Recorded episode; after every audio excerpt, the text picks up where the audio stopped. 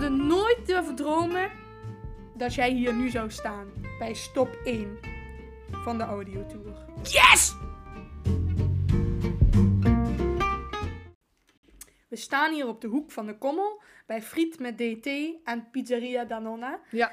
En eh, hier komen alle kunststudentjes eigenlijk eh, met hun lege buikjes naartoe wanneer dat ze iets te bikken nodig hebben. Precies, want vaak zit je zo tot eh, half tien s'avonds op school. Als het mag, van corona. Maar eh, ja, dat is een beetje de vibes. Ja. Ja, En eh, aanraders zijn natuurlijk de oesterzwamkroket bij Friet met DT. Ja. En alle pizza's bij Danonna zijn goed. Maar vergeet vooral niet als toetje de tiramisu ook mee te nemen. precies. En eventueel, als hij mee wil, eh, de medewerker van Danonna, want hij doet hele coole dingen met pizza's. Die gooit hij in de hars, of hij giet daar epoxyhars overheen. Mm. En dan maakt hij daar skateboards van en bankjes. En hij komt ook wel eens op het jeugdjournaal. Super cool. Ja, Ja, shout-out. shout-out.